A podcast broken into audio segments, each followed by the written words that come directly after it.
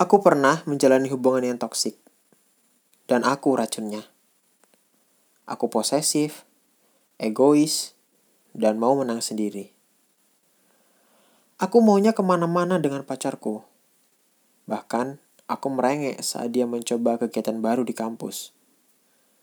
Kegiatan kepanitiaan sekalipun. Aku nggak ikhlas. Aku takut dia melupakanku. Aku takut ditinggalkan. Akibatnya, kami bertengkar. Dia tidak bisa leluasa mengembangkan dirinya. Tidak bisa menambah relasinya. Sedangkan aku menjadi orang yang tidak mandiri.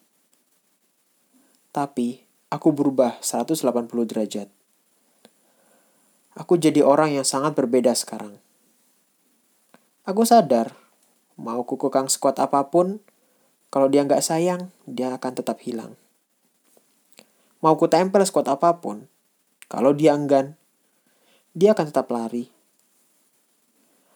Untungnya dia nggak gitu. Pacarku yang mengajariku. Aku juga punya potensi, punya kemampuan, butuh relasi, dan seharusnya aku berkembang. Bukan menjadi pribadi yang tidak mandiri dan kekurangan kemampuan.